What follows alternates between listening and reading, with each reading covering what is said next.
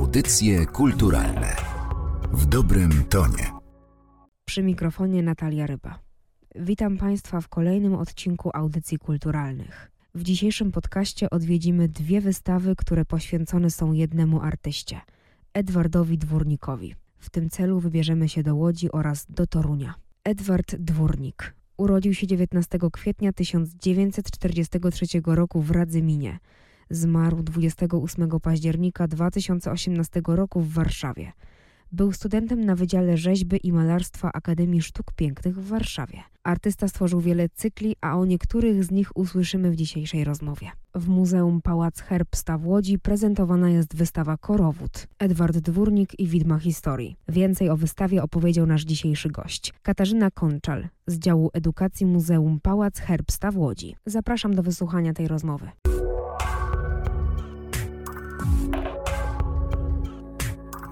Korowód Edward Dwórnik i Widma Historii. Co kryje się pod tą nazwą? Wystawa Korowód Edward Dwórnik i Widma Historii to zaproszenie do odbycia fantasmagorycznej podróży, podczas której spotykać będziemy wiele postaci znanych nam z polskiej historii czy literatury. Podczas tej podróży nakładać się będą na siebie różne czasy, zderzani będziemy ze znanymi nam kadrami i motywami. No stąd właśnie ten tytułowy korowód. Ta podróż możliwa jest dzięki darowi, darowi profesora Romana Zarzyckiego. Na wystawie bowiem zaprezentowane zostały dzieła Edwarda Dwórnika, które wzbogaciły kolekcję Muzeum Sztuki w Łodzi. I ta donacja stała się inspiracją do ponownego przeżenia się twórczości tego artysty. Jak pani określiłaby stosunek artysty do przeszłości? Dwórnik jest krytyczny, jest ironiczny. W jego pracach możemy dostrzec także dowcip, szczerość, współodczuwanie, współuczestnictwo, jakiś rodzaj dystansu. Artysta komentuje, ale nie poucza. W wielu pracach dwórnika wybrzmiewają echa historii, echa niepodległościowych zrywów.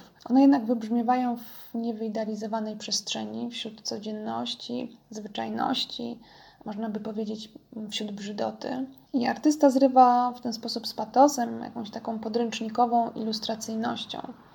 I obserwowanemu przez niego bohaterowi te symbole, motywy towarzyszą na co dzień. Ten bohater sięga po nie często bardzo automatycznie. Dwórnik prześwietla w ten sposób e, też jedną ze społecznych umów na to, co będziemy pamiętać i jak będziemy to, o czym chcemy pamiętać, utrwalać. A czym charakteryzowało się malarstwo Edwarda Dwórnika? Oprócz cech, o których już wspomniałam, chciałabym zwrócić uwagę na formę i środki wyrazu, które stosował artysta. One mogą odrzucać, one mogą budzić niechęć, jednak te środki ekspresji, one doskonale podążają za tematem jego prac i odpowiadają często trudnym tematom, które artysta poruszał w swojej twórczości. Wiele komentatorów także zwraca uwagę na uniwersalność jego sztuki, mimo oczywiście silnego zakorzenienia w naszym kontekście i w naszej historii. Jaki zbiór dzieł w takim razie zobaczymy? Na wystawie zobaczymy m.in. takie prace jak Tiurma Edwarda Dwórnika i Pochód Łanów Polskich w 1830 roku Maksymiliana Gierymskiego, Pijane głowy dwórnika w zestawieniu z ostatnim klucznikiem Choreszkowa Wandalina Strzałeckiego, romantyków dwórnika w dialogu ze sceną batalistyczną Henryka Pilatiego i Januarego Suchodolskiego. Nie mogło też na wystawie zabraknąć takich autorów jak Wojciech Jerzy Kossak oraz pracy Scena symboliczna Wizja Ezechiela Jacka Malczewskiego. Dlaczego warto odwiedzić tę wystawę? Wystawa pozwala raz jeszcze przyjrzeć się twórczości dwórnika. To też miejsce do refleksji nad naszymi narodowymi mitami i symbolami ale to także okazja do przyjrzenia się różnym powodom, podejmowania tematyki historyczno-patriotycznej, różnym sposobom realizacji i podejścia do tych tematów. Bardzo dziękuję Pani za rozmowę. Drugą wystawę poświęconą Edwardowi Dwornikowi można oglądać w Centrum Sztuki Współczesnej Znaki Czasu w Toruniu. To najobszerniejsza w historii retrospektywa poświęcona temu artyście. O szczegółach opowiedział kolejny gość audycji kulturalnych. Krzysztof Stanisławski, kurator oraz dyrektor Centrum Sztuki Współczesnej Znaki Czasu w Toruniu. Panie dyrektorze, na początku bardzo bym prosiła o przybliżenie sylwetki artysty. Kim był Edward Dwórnik? Przede wszystkim malarzem, ale także rysownikiem, grafikiem. Tworzył nawet rzeźby, współpracował przy realizacji filmu animowanego, także można powiedzieć, że był artystą bardzo, bardzo wszechstronnym i bardzo pracowitym. On doskonale rozumiał, że dzisiejszy artysta powinien dużo pracować, żeby po prostu móc zaistnieć. Ciekawe w przypadku Edwarda Dwórnika jest to, że stworzył on imponującą liczbę dzieł. O jakich liczbach może być mowa? Taki szacunek, że jest to co najmniej 5 tysięcy obrazów olejnych na płótnie, ale są też dane mówiące o 7 nawet do 8 tysięcy obrazów. Ta różnica pomiędzy 5 a 7 czy 8 tysięcy wynika z tego, że w ostatnim okresie swojego życia produkował wręcz ogromne ilości obrazów. Oczywiście każdy z jego obrazów jest numerowany i rejestrowany, stąd taki podskok. Powiedzmy, że te 5 tysięcy to jest gwarantowanych na, na bardzo wysokim poziomie artystycznych dzieł. Plus około 20 tysięcy prac na papierach. Są to rysunki, kolaże oraz klasyczne grafiki. W jednej z wypowiedzi powiedział pan, że ta wystawa jest bardzo żywa, nieklasyczna. Co sprawia, że tak można o niej myśleć? Zwykle w muzeach prezentowane są wystawy przede wszystkim chronologiczne, to znaczy od najstarszego do najnowszego. Tutaj zostało to załamane, chociaż pierwsza sala wystawowa obejmuje prace najwcześniejsze. Udało nam się nawet pokazać prace dyplomowe. Może to zabrzmi nieskromnie, ale do tej wystawy przygotowywałem się jakieś 20 lat. Przyjaźniłem się z artystą przez ponad 30 lat. Bardzo mi zależało na tym, żeby ta wystawa powstała. Pokazujemy około 450 prac. Nie chciałem właśnie, jak już wspomniałem, robić wystawy klasycznej, wystawy muzealnej. Ona musi mieć też swoją narrację, prezentując taki bardzo znany cykl obrazów błękitne, przedstawiających portrety morza. Usypaliśmy na środku bardzo dużej sali po prostu taką małą plażę i ustawiliśmy leżaki. Przy budowaniu tej żywej narracji właśnie tym się kierowałem, żeby był taki moment,